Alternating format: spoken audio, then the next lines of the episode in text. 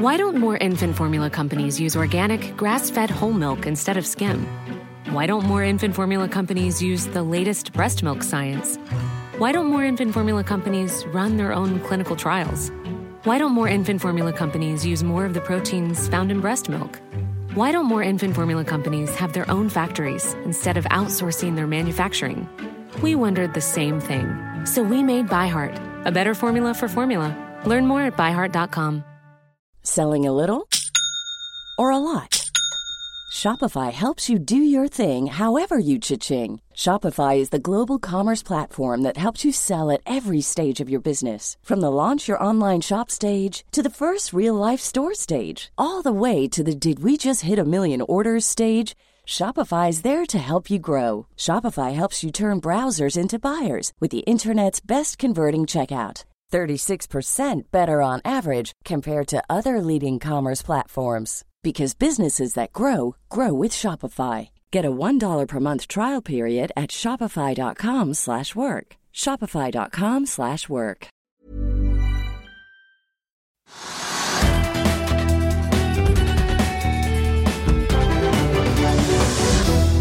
Velkommen til Økonominyhetene denne mandag 29. august. Olje- og energimessen i Stavanger åpnet i dag, og vi har mer fra den om litt. Det blir også teknisk analyse av BVLPG, men først litt om markedet. Og Hovedindeksen på Oslo Børs den er ned over 2% og oljeprisen den faller, unnskyld, den stiger 1,4% eller i hvert fall litt i overkant av 1% til 101 dollar. De viktigste børsene i Europa er også ned 1-2% Den som faller minst, er London-børsen, som er ned 0,7 og Det var også ganske dystert på Asia-børsen i dag. Futures indikerer også en nedgang fra start på børsene i New York, med Dow Jones og SMP 500 ned rundt 1% og Nasdaq litt mer enn det. Og Alt dette her det begynte i USA på fredag, Trygve? Jeg mener det. Det tror jeg de fleste andre er enige også. Altså, vi fikk jo det fallet de, på de amerikanske børsene som var mellom 3 og 4% altså verst for Nasdaq, selvfølgelig. Eh, og Det indikerte jo det at liksom verden, eller de som var store i, i aksjemarkedet, de regnet med at den talen Pavel holdt, den var såpass negativ og hard. Ikke negativ i den forstand at han sa at vi skal stramme til som bare rakkeren. Vi skal ned på 2 prisvekst. Vi skal, vi skal. Det er ikke liksom jobbe mot det og sånn. Det var, vi vil bruke alle de virkemidlene som trengs, og det vil da øke da eh, styringsretten ganske kraftig for å komme dit. Og det var liksom ikke åpning for noe håp for noe annet. Og da tenkte markedet at dette vil, hvis det gjennomføres, og hvis rentene går såpass mye opp i Amerika, og kanskje andre steder, så, så vil det kanskje føre til en resesjon i USA. Kanskje først i Europa, og etterpå i USA. Uh, og det hadde på en måte markedet helt rett i også. Det er det man kan forvente. at Det at man fikk den reaksjonen på de amerikanske børsene av hans tale, som var da på en måte, Den var sikkert innstudert og skrevet og holdt på med i uker og måneder. ikke sant? Liksom, dette var det budskapet som, som, skulle komme. Og Jeg satt og hørte på hvert ord, og han snakket på en rolig, avdempet og forsiktig, men budskapet var klinkende klart. Renten skal kraftig opp. Og da falt børsene. Og Det kommer de til å gjøre i dag også, sannsynligvis. Så de europeiske børsene falt, altså Asia-børsene falt. Alle har samme, den samme redselen, at vi får en resesjon som kan, bli, kan bli betydelig i Europa og USA.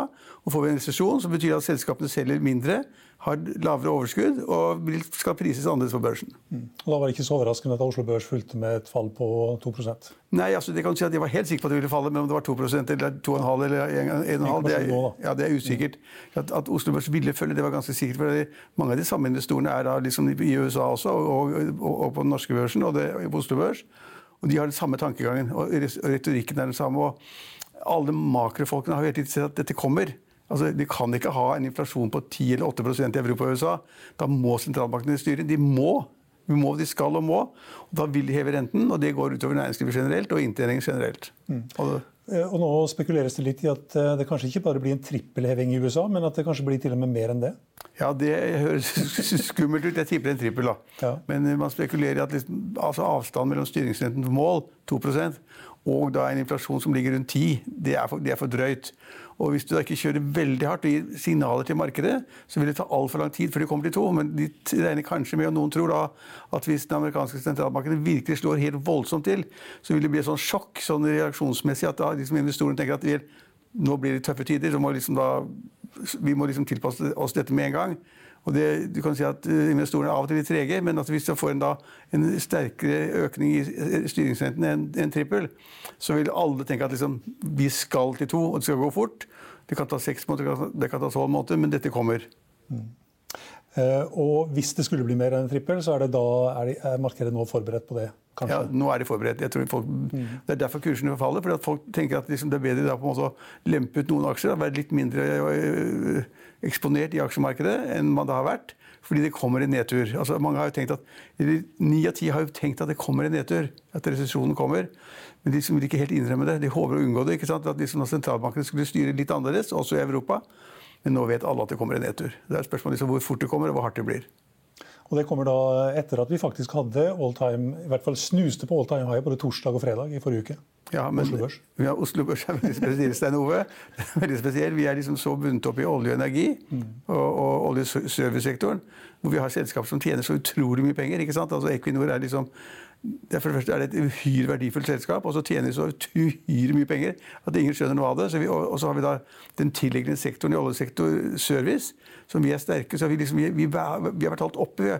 Og, ok, det kan komme en resesjon i andre land i Europa og USA, men i Norge Kanskje, kanskje ikke. Sannsynligvis ikke. Og så tenker man at da, da bare løper vi videre på de, de sektorene hvor da inntjeningen er sterk, hvor pengene fosser inn. Før vi går videre i sendingen, husk at du også kan se sendingene våre ved å gå inn på fano-tv, og at vi også har andre podkaster enn bare Økonominyhetene, som Morgenkaffen, Gründerpodkasten Veien hit, Ukens vintips, Kunstpraten og bilpodkasten Mil etter mil. De finner du ved å søke Finansavisen, der du hører på podkast. BVLPG gjorde det bedre i andre kvartal i år enn i fjor. De hadde resultatet etter skatt på 38,6 millioner dollar, opp fra 23,1 millioner dollar, men nådde ikke helt opp til analytikernes forventninger for andre kvartal. Utbyttet ble heller ikke så stort som mange hadde ventet, og aksjen har på det meste vært ned over 10 i dag. BV Offshore også, eh, la også fram kvartalstall i dag. Hadde et resultat på 18,4 millioner dollar i andre kvartal, ned fra 54,1 millioner dollar i samme kvartal i fjor. Driftsinntektene var også marginalt eh, høyere enn i samme periode i fjor, og utbyttet ble på 3,5 cent per aksje. SAS tapte jo som kjent 2 milliarder svenske kroner i tredje kvartal, og nå gjentar DNB Markets ikke uventet salgsanbefalingen og senker kursmålet, eller de halverer kursmålet, Trygve? Ja, altså kursmålet har ligget for rundt 50 øre eller sånn nå har det ligget der. Og, ja, siste var det ti øre, da. Ja, ja og så, så, falt den til ti øre. Mm. Og så har det vært snakk om skal den ligge på fem eller ti øre, eller én øre. Mm. Og I realiteten så priser markedet da inn at SAS er null verdt. Altså egenkapital, egenkapital er borte, markedscapen er borte. Hvis du ett øre eller to øre, da er det liksom ikke noe igjen. Og i dag så prises kanskje SAS til 300-400 millioner, millioner kroner. Nei, eh, til, til 3-4 milliarder kroner. Mm. Også hvis man tar den nye prisingen, så har det vært et par hundre millioner kroner. ikke sant? Det, I realiteten så sier markedet i dag det at, eh, og, og gode analytikere sier at det er ikke noe igjen av egenkapitalen i SAS. Og da blir det jo veldig vanskelig å hente. De skal hente 9,5 milliarder i, i, i, i egenkapital. Og Det betyr at dagens aksjonærer er borte. Altså de får kanskje en halv prosent eller 1 eller 2 av det nye selskapet når den nye kapitalen kommer. Og hvis den nye kapitalen kommer, som er veldig tvilsomt, så vil de stige, så stille så strenge betingelser at de får det som de vil. Så, så For aksjonærene så er det egentlig løpet kjørt. Den aksjen er ikke verdt mer enn ett eller to øre per aksje. Og den vil ligge der nede. Og Hvis den plutselig tredes til 5 eller 10 eller 50 øre, så er det helt galt. For da er det så stort misforhold mellom verdiene og det som da markedet priser inn, inn i den. Mm. Og i dag er den ned 16 til 51-51 år. Ja, ja, for nå tror jeg faktisk at markedet har skjønt at det er egenkapitalen, eller markedcapen er borte. Mm. Og det er klart at Vi må, må ikke glemme at de tok opp et lån nå på 7 milliarder kroner, som er en sånn bridge-finansiering, inntil liksom den prosessen med chapter 11 er over. Og de pengene kommer til liksom, altså, de pengene skal jo långiveren ha tilbake en eller annen gang. ikke sant? Og eh, hvordan SAS skal komme liksom, i en posisjon hvor de tjener så mye penger, har en kontantstrøm som er så stor, at de kan liksom, da finansiere og betjene gjelden sin. De har, fremdeles 40 milliarder i rentebærende gjeld. Eh, og så skal de da ha en periode hvor de skal senke kostnadene, og så skal de da betjene det lånet. Og så skal de gå til deg eller andre og si at kan ikke dere være så snill å investere i SAS? 9,5 milliarder kroner. Altså, ja, de får det kanskje til, men da er alle de gamle aksjonærene borte. Og da, da bør man ikke kjøpe aksjen i dag. Hvis man har sjanse til å komme ut med fem øre, så må man selge med en gang. Selv om man kommer ut med tre øre per aksje, så må man også begynne å selge med en gang. Og før det så skal kanskje også eh, kabinpersonalet streike? Ja, Det er et veldig godt poeng. Stenove. Det er ingen andre som har sagt, eller eh, jeg har hørt andre si. Det er fordi at det som skjedde i går eller forgårs, var det at kabinpersonalet sa det at nå er det vår tur. Vi har altfor lav lønn og vi tjener altfor lite, og det er samme som pilotene. Og vi skal ha en ordning, og hvis vi ikke får en ordning, så skal vi streike det kan godt eh, kabinansatte si, og også tillitsfolkene kan si det, men det de glemmer, er at ved å si det, så er det mange mennesker som ikke tør bukke med SAS fremover. De turte ikke under streiken, så ble streiken slutt, og så kom man i gang igjen. Og så sier man det at vi i kabinansatte vi fortjener en høyere lønn, og vi kommer til å streike. Det betyr at x antall prosent, jeg vet ikke hvor mange, tenker at den risken tar jeg ikke. Så dustete vil jeg ikke være hvis jeg skal reise da, da i november, desember, eller februar eller mars eller april, enten på businessreiser eller på liksom, turistreiser. Så tar vi ikke den sjansen. Da booker vi med Flyr eller med Norwegian eller andre selskaper. Så det de, de, de, de, sier ved å si de dumme reisene over, det er det at liksom det blir verre for SAS finansielt, fordi at færre bestiller billetter. Noen vil kanskje kansellere billettene sine og be om å få penger tilbake raskest mulig. slik at Den psykologiske effekten av de dumme uttalelsene det er at det kommer til å skade SAS finansielt kraftig. Skjønner de det ikke? eller? De skjønner ikke, nei. De tror det at liksom, nå er det vår tur, fordi at pilotene liksom da kom til en ordning som var ganske dårlig for øvrig. Altså, uh, Selskapet var ganske heldig, og pilotene ga seg på alle punkter. Absolutt alt så ga de seg på, og det måtte de også, for streiken kunne ikke fortsette. Uh, hvor mange avganger var det de hadde kansellert? 4000 eller sånn? Jeg klarer ikke å følge med engang, men det var, var helt vilt. Uh, og, og det at bare antyde da at man skal begynne å streike Det det er jo slik at Mange sier at SAS de er streikeselskapet. Er det ikke streik nå, så blir det streik neste måned eller om seks måneder. Og så går de jaggu meg ut og sier det slik at de skal skremme alle potensielle kunder i Norge og i, ut, utenfor Norge. Og det er helt tåpelig. Det kommer til å straffe seg kraftig på da, at SAS får færre kontanter, færre penger i banken, og må ut og låne enda mer penger eller få, få den emisjonen på plass enda raskere. Veldig lite taktisk. Veldig dårlig. Man må gjøre som Elon Musk, fly sitt eget fly. Ja, han kom, da, da, han kom dalen inn i dag med sitt eget fly. Han kom til Stavanger i dag. Ja, han har, ja, han har sikkert mange fly, da. Han har jo, han har jo ni barn og tre koner. Så han gjør det litt morsomt. Men han kom jo til Norge og sa bare gode ting. Sa fornuftige ting. Det var mange... Takket nordmenn for at vi har kjøpt så mange elbiler. Ja, og vi har vært veldig flinke. Vi er jo verdens beste, da. Altså Andelen av nysalget er jo elbiler kontra resten av bilene. Dieselbiler og bensinbiler det er verdens største da, andel. Mm. Så er det andre land som kanskje selger flere biler akkurat nå, men det andelen er veldig stor. Og han takket Norge i at vi hadde kjørt Tesla sånn og satset på elbiler. Og så sa det som kanskje, kanskje folk ikke hadde regnet med. Han sa det at vi trenger mer olje og gass i dag til dagens samfunn. Kanskje en eller annen gang i fremtiden så vil halvparten av bilene være elbiler, men vi trenger gass, olje og gass nå. Og mange på den konferansen hadde møtt frem for å, liksom, å protestere mot da, hele konferansen. Det var visstnok sånne protestanter som hadde limt seg opp til veggene. Jeg har ikke vært der, jeg har ikke sett bildene ennå, men det var iallfall protestanter. Men han var helt kald.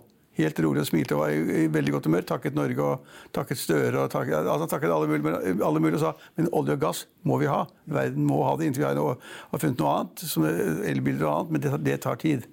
Han sa det også, han trodde at 50% av bilsalget i 2030 ville være, fem, ville være, elbiler. I Norge er jo forbi det for lenge siden. Ja, altså Vi skal jo ha dette kravet om, om bare, bare elbiler. Er det 25? Ja, det er i hvert fall ikke lenger til. nei, nei, jeg tror jeg husker rett. Nå tok det meg litt sånn. Jeg tror Vedtaket er det at man skal da, av nybilsalget så skal alt være elbiler innen 25. Det er to år, to år til. Det er, det er, år til? Tre år til. Ja, det er to og et halvt år til. Og, og, vi er på god vei, for vi har hatt måneder nå hvor da elbilsalget har vært over 70 da. Så vi er på god vei. og vi, Norge ligger i forkant igjen. Det er ikke sikkert Elon Musk hadde fått med seg det.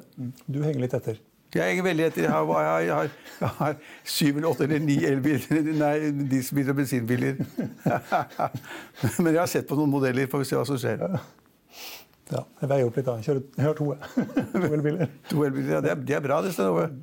Ja. Men eh, det, det, det, blir dyrere å lade elbiler òg. Strømprisene de passerer ny, stadig nye smertegrenser. Ja, jeg, altså alle har jo fått med seg at, at strømprisen stiger. Det er klart. Men de stiger mye mer enn folk egentlig forstår. For i dag så er det store deler av Øst- og Sørlandet så er da snitten, snittprisen over 6 kroner per kWt. Over 6. Men noen steder er den oppe i 7-8. Jeg har hørt om over, over 10 år. Ja, 8-20 har jeg i hvert fall fått med meg. Men la oss si at den er oppe i 8-9-10 kroner da, per kilowattime. Så skal du legge til, til nettleien og til avgiftene. Så har det liksom da priser på 10-11-12 kroner per kilowattime. Store deler av norsk industri som da bruker strøm, enten det kan være hoteller eller barer eller bakerier eller hva det måtte være. De har ikke vært i nærheten å legge inn noen budsjetter eller tenke seg at det skal bli så dyrt. Og regninger som de kommer til å få, fakturaene som de ikke har sett ennå, hittil har det vært små, småpenger de har betalt, de regningene de kommer til å få nå basert på dagens priser, hvis det vedvarer, de fakturene som kommer om en to eller tre måneder, de blir sånn at folk vil ikke, vil ikke forstå det. Og jeg mener at vi får Det er så lett å si det. Jeg har sagt i masse andre sammenhenger at vi får en konkursbølge. Det får vi. Hvis da ikke regjeringen innfører veldig store støttetiltak, det kommer ikke til å gjøre. Det er så sterk motstand blant økonomer og fagfolk og også blant masse politikere at man kan gjøre det. Men noen vil kreve det. Men, de, men jeg tror ikke regjeringen kommer til å følge det rådet. De vil finne på en eller annen måte å støtte de aller mest utsatte på. Kanskje ved noen garantier, kanskje ved noen låne, lånegarantier. og, og bitte litt, Men altså, i det store og det hele vil næringslivet ikke få støtte til, til strømmen. og Det betyr at det går rett på, rett på bunnlinjen og vil da ramme ni av ti selskaper som bruker strøm i det kommende du har, ting, du har god greie på blant mange ting. Så at barna dine har vært gode på ski. Skisenteret, hva driver de med? De produserer snø i hvert fall. Og de må gjøre det tidlig for å få en lang sesong. Og det krever masse strøm. Jeg har ikke råd til. Med dagens pris har jeg ikke råd. Da kan du bare ikke stemme. like godt stenge med en gang. Noen har vel ikke vann heller, kanskje? Nei, nei, nei men altså, altså, kom, altså Ta noe så, eksempel, altså, så lett, lettvint eksempel som da skiheisene. Vi vet at de setter i gang disse anleggene veldig tidlig, allerede i november-desember, for å få en lang sesong. Vi vet at det krever enorme mengder vann, som da skal liksom da drives med strøm. Og det har de ikke råd til. Jeg tipper at ingen av de som har råd. Så hva de nå går og håper på, er jo at strømprisen skal falle da fra 6, 7, 8 eller 9 kroner per kWt ned til liksom 2-3. Men selv det er kostbare tider. Hvis du går litt tilbake, så betalte vi ikke mer enn 40-50 øre per kWt. Og vi vet at å produsere kostnadene er 10-15 øre per kWt. Og nå må vi kjøpe den i markedet i 10, 11 eller 12 kroner, pluss nettleie og pluss moms. Det der går ikke. Altså, hva skal bakerne gjøre? Hva skal bakeren gjøre? Nei, det, er, det, er, en utfordring. Regjeringen har en utfordring der. Og de kan jo ikke gi pengene til eh, kapitaleierne. Nei, og nå har de bestemt seg liksom at nettopp det skal ikke lomme opp på de rike og sånn. Så dette skal da på en måte gis til bedriftene uten at da, liksom, da eierne får noe av det. Det er selvfølgelig et bra, greit siktemål, og jeg kan forstå det. Men det som er poenget er at nå må liksom noen forstå det at som kostnad i regnskapene så er strømprisen nå, nå så høy at det er helt sjeldne bedrifter som kan tåle det. Så Da forsvinner enten overskuddet, eller de, går i, eller de må avvikles, eller de går konkurs. Og Det tror jeg faktisk høres litt rart å si det, men jeg tror faktisk ikke at politikerne har skjønt det. Og jeg tror heller ikke liksom da media for øvrig har skjønt det. At denne prisen er skyhøy, og den kommer til å ramme hardt. Um er det noen løsning på det annet enn i Europa? Vi ser nå at gasslagrene i Tyskland de begynner nå Litt bedre enn forventet? Ja, begynner å nærme seg 90 ja, så, Kan det ha noe å si? Nei, men For det første så er jo da tyskerne veldig flinke til å spare akkurat nå. så De, de bruker mindre enn vanlig, og det er ikke kaldt ennå. Så kanskje da, hvis det blir kaldt, så bruker de mer. Eller de må bruke mer. De kan ikke sitte og fryse eller de må ha mat. Altså, I Tyskland er eh, gassen det, det man bruker både til oppvarming og mat og alt, måtte være, alt, alt, som skal til. Slik at, eh, og Hvis Russland skrur til igjen da sist Nå vet jeg ikke hvor mye de har åpnet den der Nordstrøm E, den der ene pipelinen, da. Den er vel strupa helt, nesten? Ja, men den er, liksom, den, om den er på null, vet jeg ikke. Men kanskje den er på 10% eller 20% av den kapasiteten den har. Det vet jeg ikke.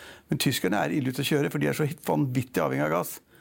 Og da, Hvis det blir kuldebølge, det er ikke akkurat nå, da, det er varmt overalt, så, så vil det ramme tyskerne kraftig. Og, og der, det, der, vil det bli Jeg vil ikke si opprør og bråk, men altså alle de statistikkene jeg ser nå, så tyder det på at konsumentene og forbrukerne i Tyskland kommer til å spare på alt mulig rart. Ikke skal de reise, ikke skal de kjøpe moteklær, ikke skal de kjøpe smykker. Eh, så de, de er inne i en ganske skummel fase, fordi folk er engstelige der. Hva skal vi gjøre? Vi får kanskje ikke den, den, den, gassen vi trenger. Og så må det da stenges ned, så må det rasjoneres. Så i forhold til det så er Norge veldig, veldig bra eh, kommet godt ut. da. Men, men, vi er ikke godt ut når prisen er så høy. Det... Burde noen eh, kreve at tyskerne åpner opp igjen de atomkraftverkene som er stengt ned? Nei, det er et godt spørsmål. Ingen kan vel kreve det, men jeg tror det kommer veldig sterke ønsker om at ja, de skal gjøre det. Si at Nå må dere begynne å se på de atomkraftverkene dere har stengt ned. Jeg tror de ser på det allerede. Vi kan ikke redde, kan ikke redde dere. Nei, men jeg tror de ser på dem. Det problemet er at liksom det er vedtatt så mange ganger. Det er forsøkt å åpne til, men det er blitt vedtatt og vedtatt. Det skal ikke åpnes. Og så er det noen kullkraftverk som kommer til å åpne, og så kommer det til å åpne kanskje en eller to eller tre atomkraftverk. Og så vil jo resten av verden si, iallfall vi i Europa, vil jo si det at når dere har så lagt opp til en politikk hvor dere er så avhengig av Russlands gass, så må dere ta ansvaret selv for at dere har liksom stengt ned, stengt ned kull og atomkraften. Og det, det syns jeg resten av verden har Det er et lite poeng. altså. Tyskland har helt mistet tanken på at Russland kunne skvise dem. Helt avhengig av gass. Helt avhengig av gass. Ja. Og fremdeles, som du sa, fremdeles er det varmt. Ja, fremdeles er det varmt. Hva skjer når det blir kaldt? Nei, og, da... og, det ikke blåser, og det ikke regner. nei, ikke blåser og ikke regner. Da, nei, det blir, det blir problematisk i hele Europa. Mm. Men det blir litt problematisk i Norge også, for vi har liksom lagt alt på strømmen. Og det er greit, vi får den strømmen vi trenger, for den har vi. Men prisen blir veldig høy. Og den, den, Som kostnadselement, vi som er, liker å se på næringslivet som kostnadselement, så er det skummelt hva vi har også gjort. For vi har da også vært treige når det gjelder vindkraft på land og til havs. Vi har vi har vært, atomkraft har vi ikke snakket om engang, og kullkraft har vi jo ikke. Vi har satt alt på strøm. Alt på, alt på strøm, og Det er staten og kommunene og fylkeskommunen som på en måte tjener penger på dette. her. De skuffer inn på en veldig høy pris pga. at prisen er høy i Europa pga. gassen. Mm. Og så ber da noen å få litt tilbake igjen av det. og det får, Husholdningene får det fra er det torsdag. Så dekker staten, da dekker staten 90% av all pris over 70 øre per kWt. 70 øre fremdeles dobbelt så mye som vi betalte for eh, to år siden? Ja. Mm. akkurat det. Og så kommer da avgifter og nettleie på toppen. Eh, så, eh, men vi har på en måte fått en sånn, sånn kvasi-makspris. da. Mm. Når staten tar 90 over 70 så er det Men noen krever nå at det skal være da 50 øre. Mm. Og noen lavere enn det også. Da, men, og 50 øre er over det vi er vant til å betale. Men det blir altså da 90% dekker staten av alt over 70 øre. Så det, i realiteten så har man fått et, et tak der.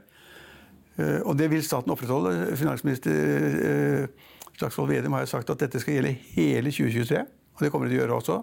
Men ikke et ord om hva denne strømmen kommer til å bety for bedriftene. Det må vi se i regnskapene. vi må se på bunnlinjen. Det kommer til å gå helt ille. Må vi vente til statsbudsjettet kommer, kanskje? Ja, Det kommer ikke i statsbudsjettet. Det tror jeg ikke noe på. Så for bedriftene kommer ikke noe. Det kan jeg ikke tenke meg. Nei. Ja, ja. Tusen takk for at du eh, var med oss eh, i dag.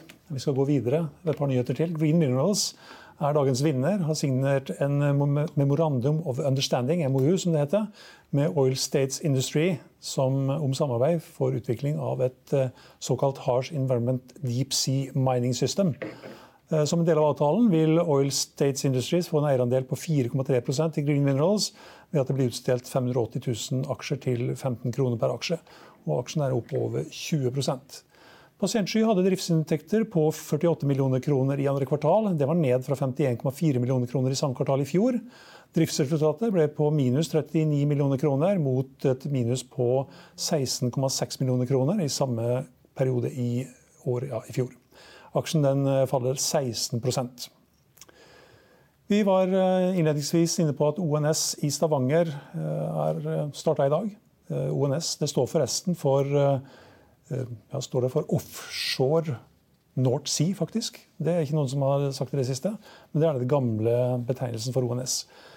Eh, Marius Lorentzen han har vært der, og Aker BPs Carl Jonny Hersvik hadde flere ting å komme med det han innledet på ONS i dag.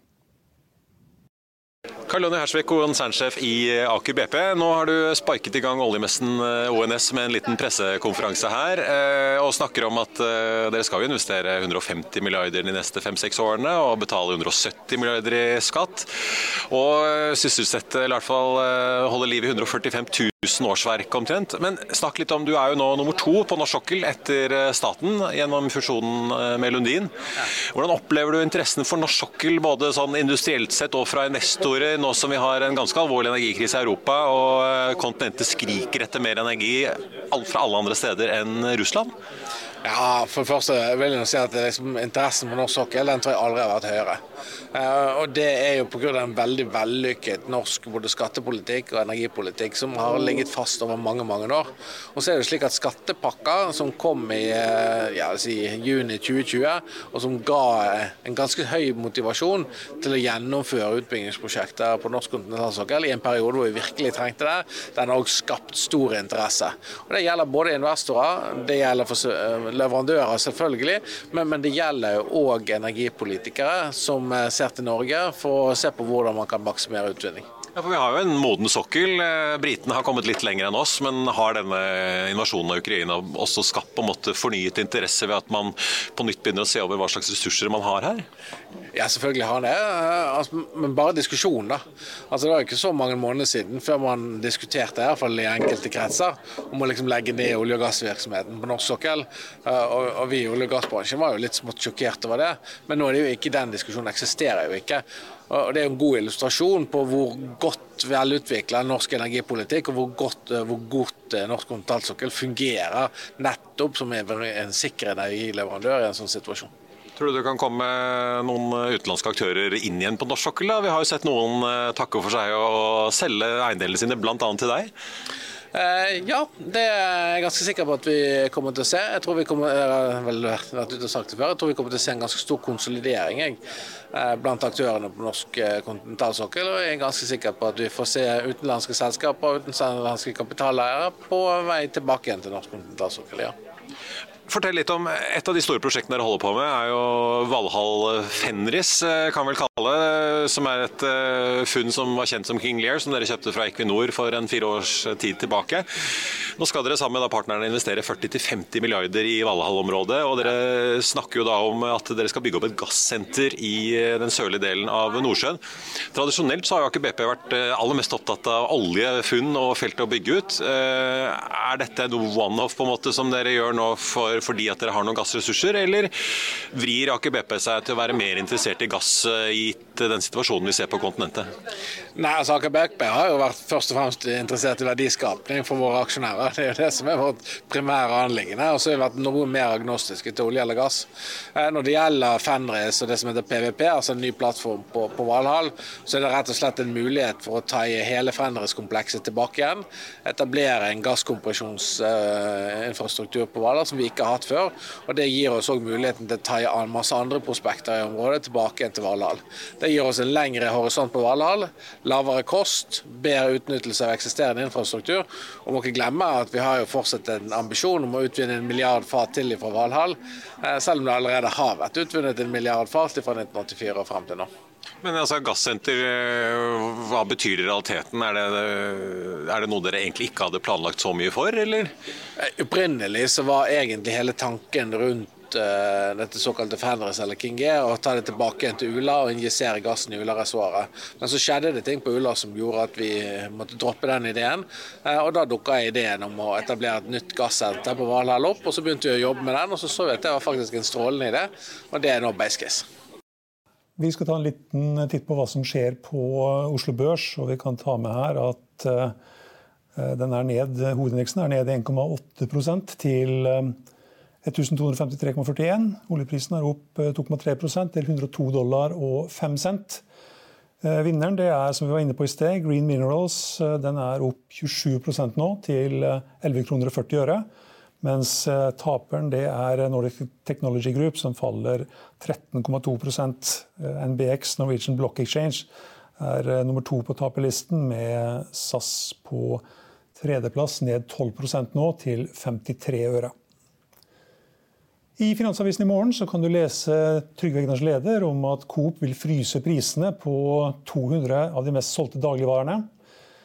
Du kan også lese børsintervju med SEB-analytiker Truls Kolsrud Engnes, som liker verdiaksjer og har fire favoritter. Og det blir også mer om eh, Den europeiske sentralbanken og renteheving. Og at det kanskje, kanskje kan gå mot et helt prosentpoeng heving på neste møte i eh, sentralbanken i USA. Det var det vi hadde for i dag på denne mandagen. Tusen takk for at du så på. Mitt navn er Stein Ove Haugen. Vi er tilbake i morgen klokken 14.30. Og da blir det også mer fra den store olje- og energimessen i Stavanger.